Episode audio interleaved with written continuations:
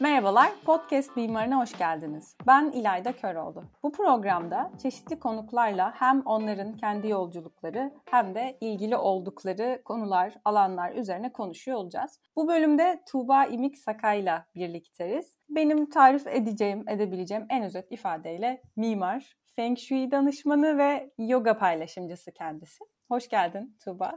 Hoş bulduk İlayda'cığım. Ee, yani ben önden biraz tabii bahsettim hani kendi ifade edebileceğim şekilde bir giriş olması açısından ama e, önce tabii şunu sormak istiyorum. Tuğba İmik ne yapar yani güncel olarak nelerle uğraşır? Yolculuk yapar. Harika.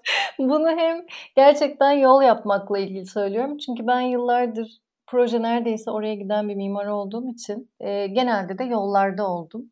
Dolayısıyla bir yol yapar. Ama bunun yanında hayatı da yolculuk olarak algıladığı için evet senin paylaştığın başlıklarda mimarlık olsun, feng shui danışmanlığı, Çin astrolojisi ya da yoga ile ilgili alanlarda e, gönlümden geldiğince çünkü orada hizmet veren kişinin de gönlünün çok önemli olduğunu düşünüyorum ve talep olduğu için hizmet veriyorum.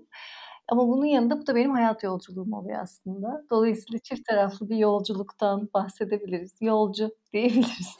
ya çok çok güzel bir tarif gerçekten. Şimdi bu yolculukta tabii çok çeşitli alanlar var. İşte Feng Shui var, mimarlık fakültesini bitirmişsin ve hani aynı fakülteden de mezunuz aynı zamanda. Bu benim için de çok özel. Hani, hani yolculuk deyince illaki bir normalin dışında görülüyorsun. Hani ben benim gördüğüm ya da genel kitleye sorarsak Burada mutlaka dönüm noktaların vardır kendi hayatında. Hani orada ne oldu da buraya geldin, buralardasın şu anda? Onu merak ediyorum yani oradan buraya. Uf çok şey oldu.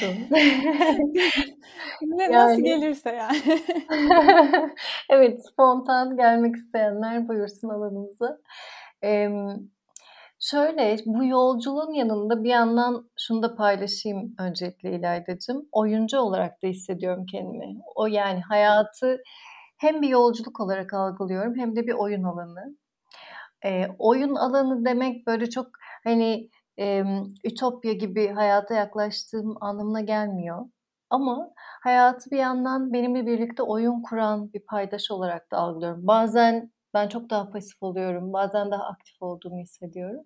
Hı hı. Dolayısıyla da bu yolculukta hep böyle bir oyun arkadaşları ya da farklı manzaralar. Yani benim e, dışımda bir takım etmenler olup benim işte kendime belki bir hedef koyuyorum. Artık pek koyamıyorum ama ne kadar yolun spontan gittiğini kani olmuş durumdayım.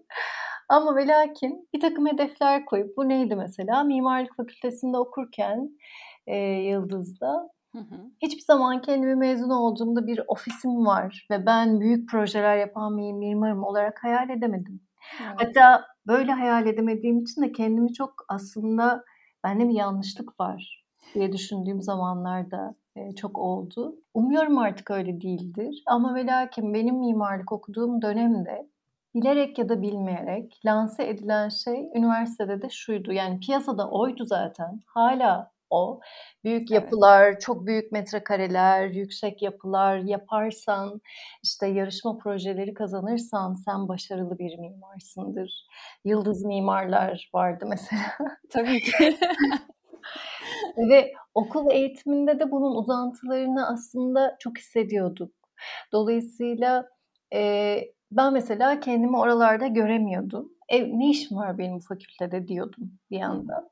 Evet. Ama ve lakin tabii ki yani mimarlık fakültesine gelme hikayem de aslında biraz e, komik.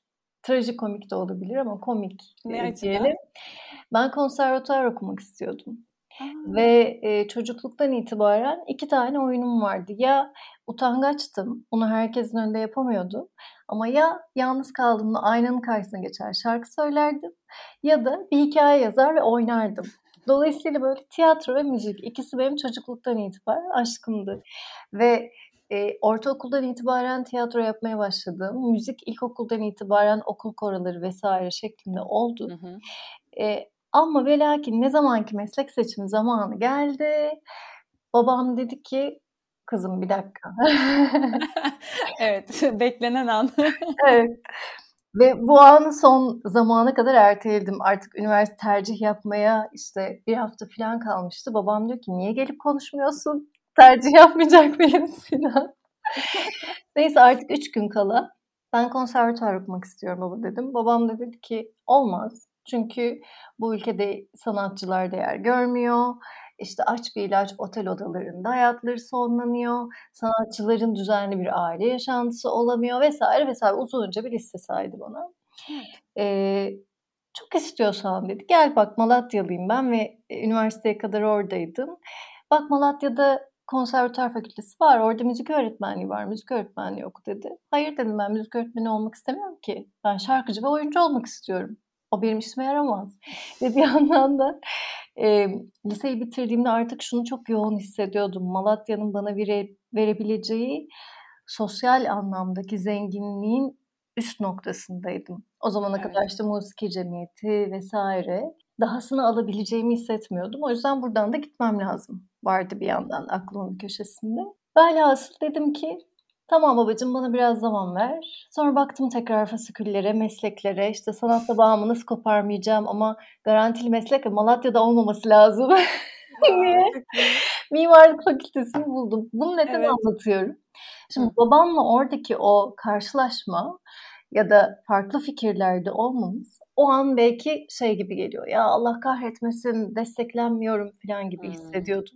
Evet. Ama bugün baktığımda benim kendi istediğim şeyleri gerçekleştirebilmekle ilgili Bununla ilgili yaratıcı çözümler üretebilmekle ilgili kas çalıştırmam için ailem önümdeki en aslında destekçi insanlar olmuşlar. Başka bir perspektiften bakınca aa desteklememiş çocuğunu işte konservatuar değil de mimarlık okumuş gibi görünürken halbuki bugün ben mimarlığın içinde kendi yolumu açmaya çalışıyorsam bu tam da işte ailemle her zaman fikir birliğinde olamadığım durumlarda yine kendi istediğimi çünkü Orada kalp biliyor. Ben kötü bir şey yapıyor muyum? Hayır. Bunun kimseye zarar var mı? Hayır. E tamam herkes bunu yapmıyor olabilir ama benim de bunu yapmam kimseye zarar vermez. Cesareti. Çok güzel. Bunu bugün tanımlayabiliyorum tabii. Hani e, önceden sorsan tanımlayamazdım ve hala belki evet. şey diyebilirdim. Ya evet yani konservatuardan ziyade mimarlık okumak, mimarlığın yanında hep müziği, tiyatroyu devam ettirmek beni çok yönlü bir insan kıldı. Mimarlık yaparken de müzikten ya da tiyatrodan ya da farklı beslendiğim dallardan verileri işin içine alabildim. Ya da tiyatro e, üzerinde bir rol çalışırken ya da bir sahne tasarlarken orada da tam da yine müziğin, e, mimarlığın etkilerini, desteklerini çok gördüm diye. Ama bu kadar bütüncül bir yerden yaklaşamazdım. Velhasıl mimarlık ortamındaki o işte Mimar böyle olunur. Bitirirsin, önce bir yerde çalışırsın. Genelde de gecen gündüzün pek yoktur. Ee, ve sen ya bir dakika benim başka bir hayatım da olsun dediğinde patronu sana aa sen mimarlığı severek yapmıyor musun der bir de üzerine hmm. suçlu hissedersin. evet kesinlikle doğrudur. Başka yollar araştırma cesaretini verdi bu bana. O kası farkında olmadan çalıştırdım yani. Dolayısıyla da ben kendimi mimarlık fakültesinde biraz böyle ya ne yapacağım ben bu hani öngörülen şeyleri pek hayal etmiyorum. Ee, eyvallah deyip böyle devam ettikçe aslında baktım ki önce ben de birçok e, mimarlık mezunu arkadaş gibi mimarlık ofislerinde çalışmaya başladım. Bir yandan şanslıydım da çünkü yıldız mimarlardan birinin yanında çalışmaya başladım. Önce staj yaparak sonra çalışma hayatına devam ederek. Ve bu benim neyi istemediğimi görmemi çok daha netleştirdi. Hmm. Çünkü herhangi bir ofiste bunu yaşamış olsam belki o zaman şey diyebilirdim yok bunun başka bir çeşidi olabilir. Ama zaten bir sürü mimarlık ofisiyle ve genelde de o star mimarlık ofisleriyle işbirliğinde olan dolayısıyla birçok ortamı farklı ortamı görme şansı elde ettiğim bir e, ofiste çalışıyor olmak ve o en yüceltilen star mimarlar dünyasının içerisinde de kendimi aslında iyi hissetmediğimi görmek benim bir dakika burada bir yanlışlık var. Peki ben ne istiyorum mu sormamı çok hızlandırdı. Bu anlamda çok şanslı hissediyorum kendimi. Dolayısıyla hani çok böyle tekil olaylara girmeden genel bir şeyle toparlamaya çalışırsam bunu söyleyebilirim. Evet, aslında burada biraz ben şunu okuyorum kendimce bir şeye rağmen adım attığın zaman o kadar güzel olmasına rağmen bir şeylerin oradan vazgeçebilmek aslında asıl yolu çiziyor. Yani dönüm noktaları değil ama bütün yola bakınca e, böyle bir anlam çıkıyor yani. Ne kadar güzel. Evet, rağmen lafını çok seviyorum ben. Çünkü korkabilirim ama korkmama rağmen çok istediğim bir şeyi yapmayı seçebilirim. Yani Hı hı. rağmen biraz şey gibi geliyor bana. Bir şeylere maruz kalmaktan seçim yapabildiğimiz alana doğru geçmeye böyle kapıyı aralayan bir ifade gibi geliyor. Çok seviyorum ben de. Evet, evet. Gerçekten güzel bir tarif oldu. Seçim. Seçim yapabilmeye yol açıyor. Yani bunu her zaman çok farkındalıkla yapmayı biliyoruz. Her zaman seçim dediğimiz şey orada gidemeyebiliyoruz. Başka bir şeyler çıkıyor karşımıza. Hı Ama en azından şansımız denemek. Çünkü e, bizim ülkemizde, başka yerleri bilmiyorum. O yüzden genelleme yapamam ama bizim ülkemizde gözlemlediğim bizler hadi bakalım sen dünyaya geldin ey çocuk senin rengin ne? Acaba nasıl bir şey katmak istiyorsun buraya? Gel birlikte bunu keşfedelim diye eğitilmiyoruz. Önce ailede bir takım standartlar çıkıyor karşımıza. Sonra okullarda. Dolayısıyla belli bir norm var ve onun içerisine sokulmak üzere eğitiliyoruz. Dolayısıyla da tabii ki bu benim gözlemim ve e, herkes böyledir diyemem. Hele ki bugün günümüzde aileler özellikle çocukları e, evet proje olarak çocuk yetiştiren aileler de çok. Ama ve lakin çocukların içindeki cevherleri keşfetmek üzere odaklanan aileler de çok. Ben kendi e, dönemim ve kendi gözlemlediğim kadarını ifade etmeye çalışıyorum. Bu e, ki mevcut birçok aslında alanda yani e, eğitimin yanına ekonomiyi, siyasal koşulları bir sürü farklı şey katabiliriz. İçinde bulunduğumuz dönem böyle önceden gelen kısmıyla hep bir normların olduğu ve insanların onun içerisine girmeye çalıştığı bir şey gibi algılıyorum. Bu e, tahmin ediyorum ki bu arada değişmeye, dönüşmeye de başladı. Özellikle Covid sürecinden sonra mevcut sistemlerin artık cevap vermediği çok aşikar oldu. Dolayısıyla da burada bir şekilde artık bizlerin ufak ufak cesaret kırıntılarıyla ya da oldukça büyük cesaretlerle. Sonuçta e, Greta diye bir kız çocuğu da var bugün dünyada. Artık genç kız. E, dünyayı ayağa kaldıran bir etkili sahip. Ezberlerimiz bozuluyor diye düşünüyorum ve buna çok şükrediyorum. evet neyse ki. Yani böyle bunu hızlandıran da bir süreci yaşıyor olmak bunu deneyimlemek daha doğrusu buna şahit olmak da özel bence. Yani tabii ki negatif etkileri var ama hani bunu biz yaşıyoruz şu anda. Evet. Önemli bir zamanın paydaşlarıyız. Evet. O yüzden de ayrıyeten bence çok e, önemli.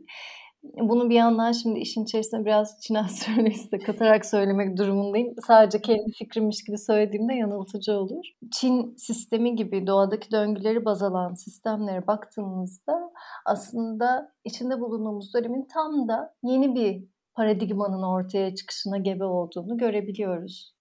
Dolayısıyla bunun paydaşı olmak gerçekten çok heyecan verici. Çünkü bir takım sistemler yeni kurulduğunda bir heyecanla herkes onu yüceltiyor olabiliyor ve ona dahil olmaya, onu en iyi haline getirmeye çalışıyor olabiliyoruz.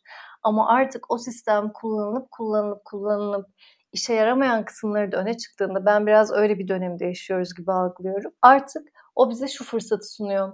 Hmm, başka neler mümkün? Burada çalışmayan şeyler var. Bunu nasıl evet. çalışır bir versiyona geçirebiliriz? Yani bilgisayarımızı ya da telefonumuzu update etmekten çok da farklı değil aslında. Bu daha kolektif bir update olmalı. E, biraz böyle bir zaman gibi. O da işte tam da bizim içimizdeki o cesaret kıvılcımını ateşe döndürmek için körükleyici bir şey olur gibi geliyor bana. Çünkü bu zaman bir geçiş zamanı ve birlikte yaratıyoruz. Neyi hayal ettiğimiz ve neyi gerçek kılacağımızı. Bunun içerisinde meslekleri de, toplumsal düzenleri de her şeyi koyabiliriz. Bireysel ve kolektif olarak. E burada paydaş olmak gerçekten büyük bir şans. Zorlukları yok mu? Var. E bir sistem çöküyor. Çalışmıyor artık görünüyor. Çalışmayan yerlerin nasıl ki bedenimizde bir yer artık çok e, problem olduğunda iltihaplar akıyor vesaire sonra onu iyileştirmek için bir sürü şey yapıyoruz. Hı hı. Biraz böyle artık dünyada yüceltilen sistemlerin de irinlerinin aktığı bir zamana denk geldiğimiz aşikar. Zorlukları yok mu? Var. Ama bu büyük kısmını benden çok bu heyecanlı yeni yaratım e, olarak hissediyorum. Kesinlikle. Bir bakıma buradan e, böyle senin kendi hayatına da tekrar dönecek olursam fark etme sürecinden sonra işte o mimarlık ofisi deneyiminden sonra? Hani ne oldu bu yine işte Çin astrolojisi, Feng Shui biraz daha modern yöntemlere alternatif görülen şu anda. e, bu sistemlerde nasıl buldun kendini? Yani nasıl karşılaştın ve hani evet burada bir şey var dedin muhtemelen. Hani o süreci de merak ediyorum aslında. O, o biraz kademeli oldu aslında bakarsın İlayda. Yolculuk diye tabir etmemin belki de sebeplerinden biri bu. Birdenbire olmadı. Ben önce e, o Star Mimar'la birlikte çalışma sürecinden sonra mimarlığı bırakma kararı aldım bu iş bana göre değilmiş dedim. Sonra e, bir vesileyle daha evvelden mimarlığı bırakma kararı vermeden önceki bir süreçte verdiğim bir sözle bir arkadaşıma mekan tasarım için söz vermiştim. O arkadaşım birden ortaya çıkıverdi. Ben mimarlığı bıraktım dedikten bir ay sonra Tuba buldum yeri hadi gel yapıyoruz diye. Ben bıraktım mimarlığı ama sana söz verdiğim için bunu yapayım öyle bırakayım dedim. Ve ben ilk defa şunu fark ettim ki ya e, bize öğretilen dışında bir seçenek var. Ben hmm. aslında daha çiçeği burnunda bir mimar olmama rağmen e, kendi yolumu çizmeye başlayabilirim. Dolayısıyla da serbest mimar olarak çalışmaya başladım. Ve orada işte tam da benim neler bana iyi gelmiyoryu büyük ölçüde deneyimleyerek yaşama şansı bulmuştum ama hadi bakalım şimdi neler bana iyi geliyor. Ben mimarlık yapacaksam arkadaşıma söz verdiğim bir mekan var. Burada Hı. neleri ön plana çıkartacağım süreci başladı. Ve orada baktım ki benim için önemli olan bazı şeyler var. Bir, ne kullanıyorsam mümkün olunca geri dönüştürülebilir şeylerden kullanmak, malzemelerden ya da hali hazırda artık kenara kalkmış şeyleri tekrar kullanıma sokmak, geri dönüştürmek. E bunun yanında mümkün olduğunca doğal malzemeler kullanmak gibi eğilimlerim olduğunu keşfettim. Bir süre bunlarla haşır neşir olmanın yanında sonra ya tamam peki şimdi bu mekanda ya Feng Shui diye bir şey var. Uzun zamandır duyuyorum. Bir iki kitap karıştırmışlığım da var ama bir türlü de anlayamıyorum. Derken önüme bir şey ilan düştü. Hayatımda ha. galiba internet üzerinden ilk karar verdiğim şeydi. 2015 yılında. Grandmaster Raymond Law Türkiye'de Feng Shui eğitimi veriyor diye. E, ilanı inceledim ve gerçekten ne o an yani işte zih, analitik zihnimin ötesinde bir karar verme aşamasıydı. O analitik zihnime kalsa çünkü hiç öyle ucuz bir eğitim de değildi. O parayı sadece internetten gördüğüm bir eğitime yatırmayı analitik zihnim asla kabul etmedi. Güdüsel böyle. evet orada daha bütünsel bir karar mekanizması girdi evet. devreye ve ben kendimi o eğitimde buluverdim. Velhasıl e, mekandaki birebir somut malzeme kullanımı, mekanın bulunduğu çevre, onunla uyum vesairenin ötesinde bir katman daha girmiş oldu içeriye. Hmm. Ve e, şükürler olsun. Çok çok e, mutluyum bunun için ve Grandmaster Raymond Law gibi bir Çin öğretisi Feng Shui. Hani kaynağından öğretiyi öğrenme şansım olduğu için de ayrıca çok mutluyum. E, Feng Shui biraz böyle kendimi arama yolculuğunda, benim mimarlığım nedir yolculuğunda devreye giren bir şey oldu, fayda oldu. Hatta onu da daha hakkıyla yapabilmek için sonra Çin astrolojisi girdi. Çünkü hmm. Feng Shui içerisinde pek çok katmanı barındıran bir öğreti mekana gerçekten çok bütüncül yaklaşıyor. Bunun içerisinde zaman faktörü de var ve orada da işte Çin astrolojisi giriyor ki Çin astrolojisi bildiğinde Feng Shui'yi daha da bütüncül bir şekilde ya da mekanda yaşayan kişiler belliyse her birine birebir bir takım e, düzenlemeleri onlara özel yapma fırsatı sunuyor. Hmm. Bütünleyici. E, oldukça.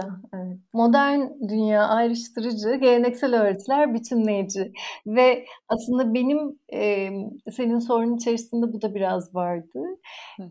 Benim Feng Shui'ye yönlenmemin sebebi bir yandan böyle o geçmiş, güncel ve gelecek yani geleceği yaratmak için sadece güncel olan yetmedi bana. Kendi geleceğimi kastediyorum. Ama evet. bunu daha e, bütünsel ölçekte de kendi adıma söyleyebilirim. Dolayısıyla yani ben sadece modern teknolojinin bizi ileriye şahane bir şekilde taşıyabileceğini düşünmüyorum. Modern teknolojinin bu kadar öne çıktığında zaten ne kadar zarar verdiğimiz aşikar dünyaya. Dolayısıyla o geleneksel öğretilerin doğayla bütünleşik tavrı tam da bugünün teknolojisiyle harmanlandığında her ne konuda olursa olsun yani bu tıpta da, mimarlıkta da, beslenme alanında da farklı farklı birçok yerde düşünebiliriz. Bana çok birbirini destekleyen ve bütünleyen bir şey gibi geliyor. Ve ben mesela ikisinden de bana yakın gelenleri alıp harmanlayıp kendi yolumu, kendi yolumdaki taşları diziyor, buluyorum kendimi aslında. Feng Shui de mimarlık anlamında biraz öyle. Tamam bugün mimarlık eğitiminde bunlar öğretildi bana. Bu teknolojiler var, bu malzemeler var. Bu malzemelerin birçoğu da sağlıksız insanları hasta ediyoruz, zehirliyoruz biz yapı inşa ederken. Burada bir yanlışlık var deyip alternatif yollar aradığımda karşıma çıkan bir öğreti diyebilirim ihtiyaç doğrultusunda insanın karşısına çıkan bir fırsat mı diyeyim artık sürpriz mi yani hayatın getirdiği şeyler ve onlar aslında bize geldiğinde de bizim de hazır olmamız gerekiyor ya hani sanki sen de hazırmışsın ve o da gelmiş ve hani mükemmel bir karşılaşma gibi. Evet bu işte tam da o bahsettiğim hayatı oyun olarak algılama kısmı yani önüme o reklamı düşürdü bir Değil güç. Mi? Bunu istediğimiz şekilde tanımlayabiliriz. Kimimiz Allah der, kimimiz evren der, kimimiz kaynak, kimimiz ben, yüksek ben. hiçbir önemi yok nasıl tanımladığımız. evet. Ama yani benim o ihtiyacımı görüp buna nasıl bir cevap bulabileceğimi de bulamadığımı da görüp çünkü ben bu esnada Yıldız'dan sonra İstanbul Teknik Üniversitesi'nde yüksek lisans yapmaya başlamıştım. Mimari Hı. tasarım üzerine. Evet. Ve oradaki benim mesela tez yazma sürecim, dersleri hemen bitirdim ilk iki senede ama tez yazma süreci uzun zamana yayıldı. Çünkü ben bir türlü içime sinen tez konusunu bulduğuma kâni olamadım. Evet. Ve tam da o dönemde böyle çıkıverdi önüme teze uzun bir süre ara verdikten sonra, birkaç sene ara verdikten sonra ya artık tezimi de bitirmek istiyorum ama ne olacak ki? Yani bir söz söylüyorum. Hani yüksek lisans tezlerinin de maalesef o dönemde fark ettim ki biraz böyle ya yüksek lisans tezi ya yaz işte. evet evet. Kim okuyacak ki falan. Yani bunu mesela kendime yapamadım ben. Demek kim okuyacak ki? Ayrıca okunmaması çok büyük problem yani. Bir şey söyleyeceğim. Ben senin tezini okudum. Yaşasın ne mutlu. okudum ve yani benim hayatımda okudum. O zaman yüksek lisans yapmak gibi bir fikrim bile yoktu. Bakış açımı tamamen değiştirdi. Oradaki o mimarın otorite olmayan tavrı, e, işbirliği içerisinde ve karşı tarafı anlayarak e, yaklaşma e, kısmı o kadar ilgimi çekmişti ki ve bir sürü şeyden atıfta bulunuyordum. Ben çok etkilenmiştim. Yani bu bahsettiğim olay kaç sene önce bilmiyorum. Belki iki sene, belki üç olabilir. Yani okunuyor yani demek ki. ne mutlu, çok sevindim. Zaten e, okunmuyor olması problem ve bunun normal evet. görülüyor olması problem. Ama evet. yani eğitimde değişmesi gereken şeyler derken kastettiğim çok kapsamlı bir şey aslında. Yani evet. ana sınıfından doktorasına kadar. Evet, evet. Yüksek lisans tezi sürecinde sağ olsun e, danışman hocam Yurdanur Rüzgaroğlu çok e, açık fikirliydi. Ve ben orada da çok isyan ettim. Hı. İşte mesela yüksek lisans tezlerinde sen de e, biliyorsun bir cümle yazma kalıbı var. Sen sanki başka biri konuşuyormuş gibi yazıyorsun. Bilimsel diye görülen bir takım kaynaklar var. Sadece onlardan atıf yapabiliyorsun. Dolayısıyla bu zaten bilimsel görünmeyen Feng Shui gibi geleneksel görülen şeyleri direkt dışarıda bırakıyor. Dışta evet. yani bu alana sokamazsın diyor. Ben de hocama dedim ki hocam sokacağım çünkü ben buyum. Ve eğer bu tez benim dilimi içermeyecekse, benim beslendiğim kaynakları içermeyecekse benim tezim olmaz. O zaman bunun bir anlamı yok. Sağ olsun akademi şartlarında ne kadar gevşetebilecekse sınırları gevşetti yurdan önce. E, jüri üyeleri de çok açık fikirli hocalardı. E, dolayısıyla hani o yüzden diyorum benim zamanımda benim algıladığım akademi belki biraz daha bazı konularda konservatif geliyordu ama çok değişmiş olma ihtimali de çok mümkün. Benim en azından hmm. o yüksek lisans sürecinde e, deneyimlediğim çok daha umut verici bir durumdu. E, umuyorum yani bir gün gerçekten yüksek lisans tezleri sırf bir etiket elde etmek için değil de aman zaten okunmayacak diye değil de gerçekten insanların kendi gönüllerinden geçen merak ettikleri şeyleri araştırıp ortaya da bir ürün koyma. Yani benim tezde senin bahsettiğin o işverenin kendi ihtiyaçlarını farkındalıkla keşfetmesine aracı olan biri olarak mimarı ele alışım evet. e, benim gerçekten dert ettiğim bir şeydi. Çünkü o kadar çok karşılaşıyordum ki e, bir sürü para verip, emek verip, zaman verip bir mimarla çalışıp daha sonra mimar böyle yapmış cümlesi. evet. Kendisini bir set dekoru içinde gibi hisseden insanlar ki ev gibi yani bu kadar aslında bir sürü katmanı olan yani hem duysal, psikolojik, fiziksel bir sürü katmanı olan bir mekanda özellikle her mekanı katabilirim ama şimdi evi ben ev özelinde bu çalışmayı yapmıştım. Evet. E, çok acı verici. Dolayısıyla bu benim için bir ihtiyaçtı ve o ihtiyaca yönelik kendim merak ettiğim bir şeyi araştırdım. Anke benimki daha çok sosyal bilimlerle mimarlık ara kesitinde bir tezdi. Mimari tasarımdı başlık ama e, dolayısıyla çıkan ürün en çok beni besledi. Benim mimarlıkla ilgili yolculuğumu şekillendirdi. Birilerine de destek olduysa ne mutlu.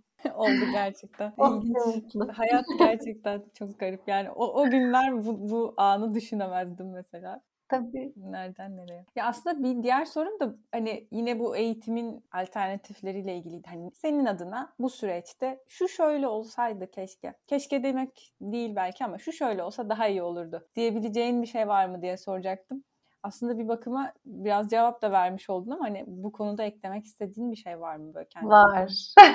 nedir? Nedir? Heyecanla dinliyorum. Birkaç gün önce Stanford Üniversitesi'nden uzun yaşam kürsüsünü kuran psikologla ismen yani bir yazıda tanışma şansı elde ettim. İsmi Laura. Soy isminden emin değilim ama Carstensson olabilir. Hı hı. Şöyle bir araştırma yapmış. Şu an tabii ben şu an kendi anladığım kadarını aktarıyorum ve kısacık bir yazıdan anladığımı aktarıyorum. Şu an kitabını okuyorum o yüzden e, daha sonra oradan anladıklarımı aktarabilirim. Çok taze bir tanışma bu. Evet. Diyor ki önceden insanların hayatları 50 ila 70 yıl arasıydı. Ve bizim şu an içinde bulunduğumuz sistem hala buna göre zamanlanmış bir sistem. Şu zaman eğitim, şu zaman aile kurma ve kariyer yapma, şu zaman emeklilik diye. Ama diyor ki insan hayatı uzadı ve biz artık 80'ler 90'lardan çok rahat bahsediyoruz. Üçlü rakamlardan da bahsediyoruz. Dolayısıyla bizim bu bireysel yaşam sıralamamızda artık revizyona gitmemiz lazım çünkü çalışmıyor. Hı hı. Mesela diyor bunu şunun gibi düşünün. 70 dakikalık bir tiyatro oyunu var ve siz hazırlanıyorsunuz o tekste, sahneye çıkıyorsunuz. Size diyorlar ki 100 dakikaya çıktı süre. Siz 70 dakika oynuyorsunuz, oynuyorsunuz. Son 30 dakika duruyorsunuz. Dolayısıyla şunu söylüyor. Artık diyor mesela güncel e, dünyada ne oluyor? 20'li yaşlardan 45-50'li yaşlara kadar hem aile kurma, hem istiyorsa çocuk yapma ve kariyer yapma ile insanlar çok yıpranıyorlar. Çünkü bunların her biri başlı başına vakit alan, detaylı bir iş. Hatta bir Kızılderili atasözüne çok atıf yapılır. Bir çocuk yetiştirmek için bir köy gerekir diye.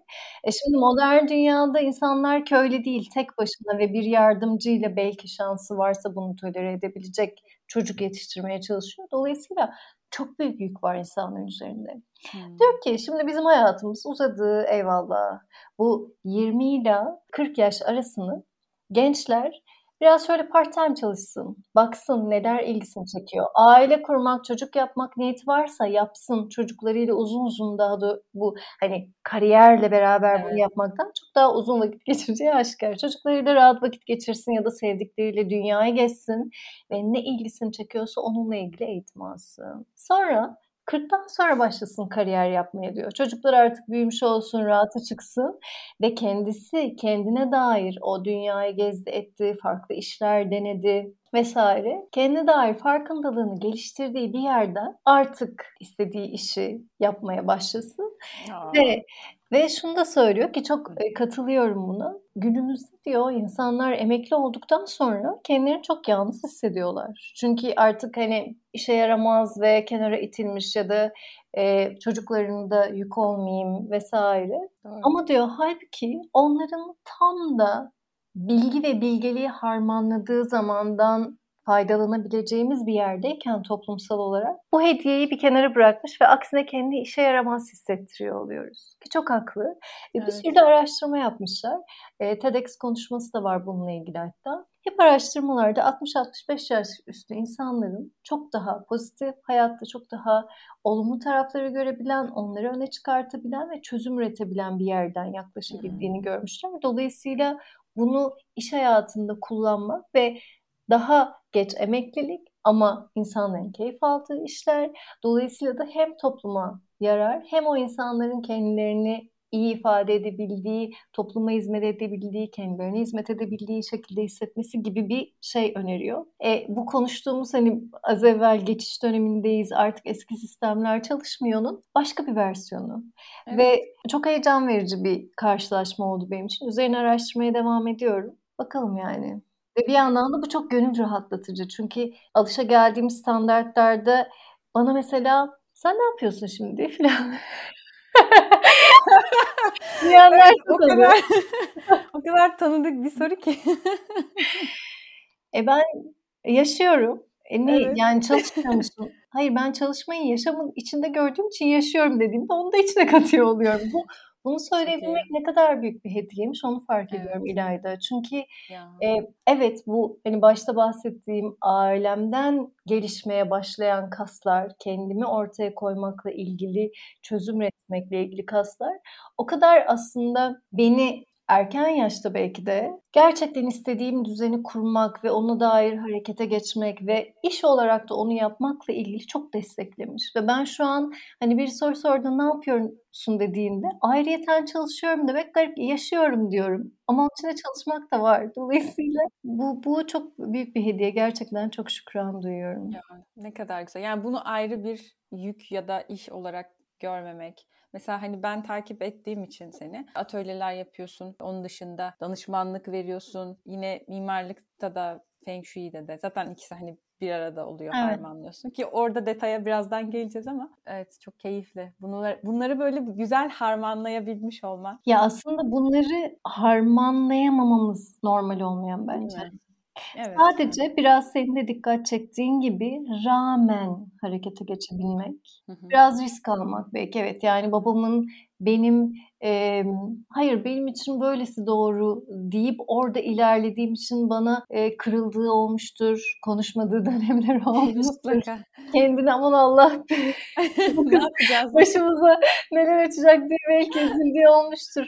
Evet. Ama zaten bunlara rağmen Aa bir dakika ya tamam yanlış da bir şey yapmadı aslında. Hmm. hani, hani biraz o rağmen lafının altını çizmek tekrar istedim. Çünkü bunu da aslında şu niyette de söylüyorum. Ola ki bizim bu paylaşımımızı dinleyen genç arkadaşlarımız ya da bir şeylere artık geç kaldığını düşünen arkadaşlarımız olursa e, e, hayır yok işte bakın yani Stanford Üniversitesi dünyanın en iyilerinden biri. Oradaki kürsü başkanı bir psikolog diyor ki 40'tan sonra başlayın kariyer yapmaya kardeşim. Benim daha 4 senem var. Mis gibi işte. Ya bu gerçekten insana bir rahatlık. Rahatlık evet. derken kaygıdan arındırır insanı yani hani. Aynen öyle. Esnek bir şekilde herkes istediğini yapsın bir kendini arasın bulsun ya da her ne istiyorsa.